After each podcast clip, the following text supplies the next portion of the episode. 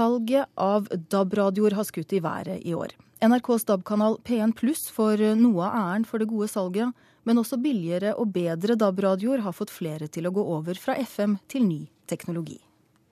Er det den der du snakker om? Yes.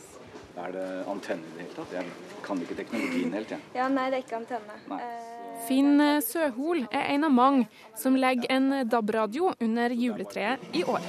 Det er ikke radioklassisk. Det er han ikke alene om. Salget av DAB-radio har tatt av i år, og tall fra bransjeorganisasjonen Elektronikkbransjen viser en økning på 155% fra januar til oktober i år. Og DAB-salget har på ingen måte dabba av inn mot jul. DAB-radio er den store julegavevinneren i år. Vi måler jo produkter for å se hva vi tror kommer til å havne under treet. Og det er veldig mange som får DAB-radio til jul. Det er vi helt sikre på. Det sier Camilla Tulli, kommunikasjonsrådgiver i varehuskjeden Claes Olsson. Jeg vil jo egentlig kalle det en eksplosjon, eh, rett og slett. Vi har solgt 300% flere radioer i desember i år enn i desember i fjor. Lanseringa av NRKs DAB-kanal for godt voksne radiolyttere, P1 pluss, får nå av æren for det gode DAB-salget i høst.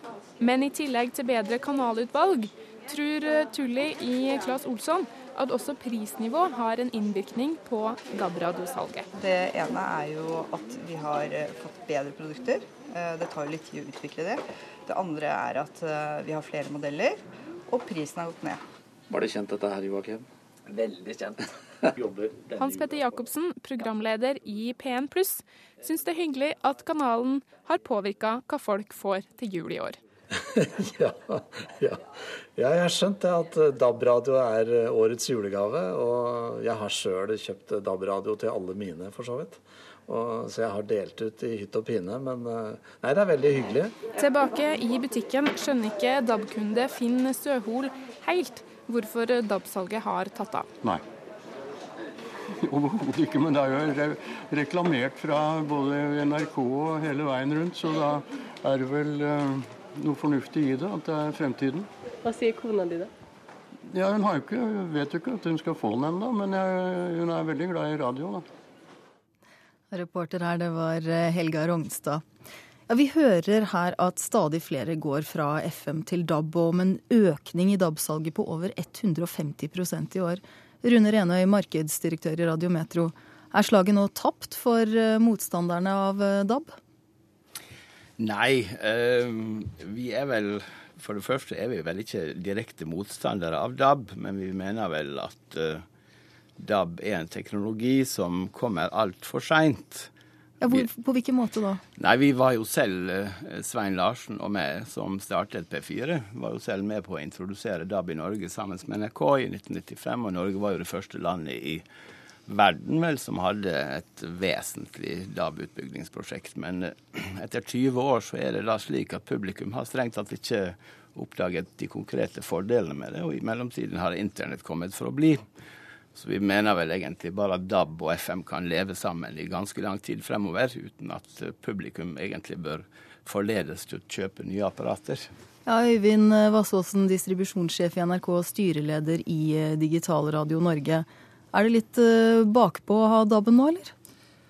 Nei, altså dette er jo fantastiske nyheter for alle som er glad i radio. Og det er litt spesielt da at Rune Remøy sier at folk eh, ikke har oppdaget DAB ennå, samtidig som vi da hører på lufta nå at veldig mange faktisk kjøper DAB-radio nå til jul, og at P1 Pluss er en fantastisk suksess. Altså 150 000-200 000 lyttere i en digital kanal. Det får jo bare alle oss som er glad i radio, til å juble.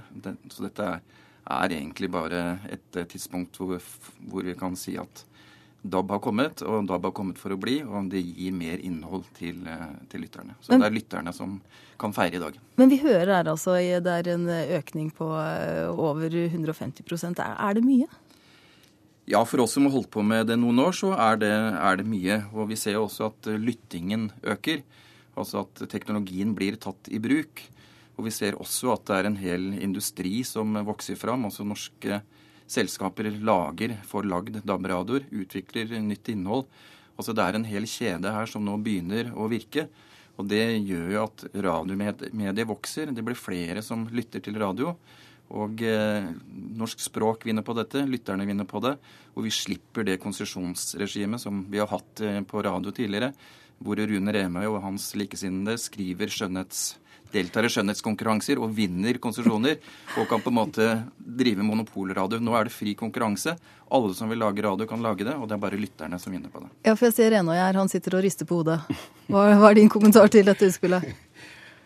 Ja, altså um, Nå er det vel slik at jeg opplever at NRK har malt seg litt opp i et hjørne hvor det er liksom for seint å snu.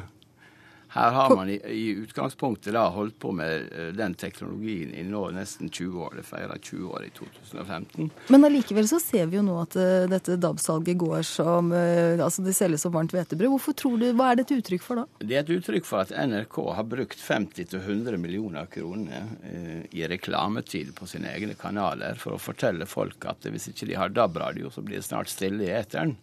Vassåsen, det der må du nesten komme og kommentere. Altså, Er det bare PR, dette her? Nei, dette er jo virkelig å underkjenne lytterne. Det at 150 000, 200 000 personer tar i bruk en helt ny digital radiokanal på null komma niks, det betyr jo at det viser jo at det er et marked der ute som folk eh, etterspør, og som de bruker når de får eh, greie på det, når de får billig nok radioer. Sånn at eh, her er det lytterne som bestemmer, og det er en aktørstyrt overgang til digital radio. Og nå forteller lytterne at dette vil de ha. De vil ha innholdet. De er ikke interessert i teknologien, om den er 20 år gammel eller hva slags teknologi. Men de er interessert i innholdet, det, det vi som lager radio, kan, kan tilby publikum. Hva med framtida for DAB, da?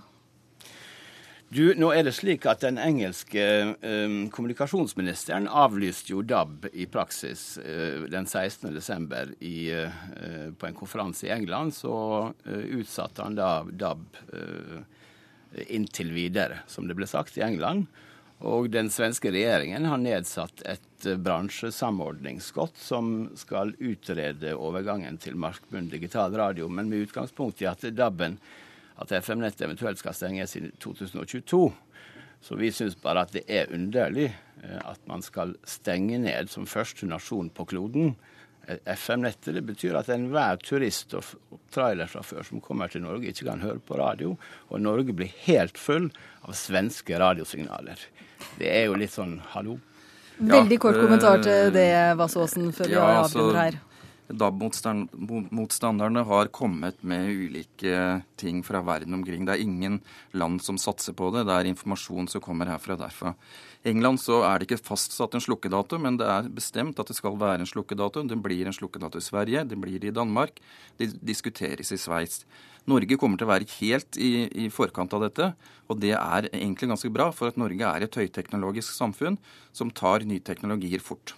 Da får det være siste ordet her. Takk skal dere ha, Øyvind Vassåsen, distribusjonssjef i NRK og styreleder i Digital Radio Norge, og Rune Renøy, markedsdirektør i Radio Metro.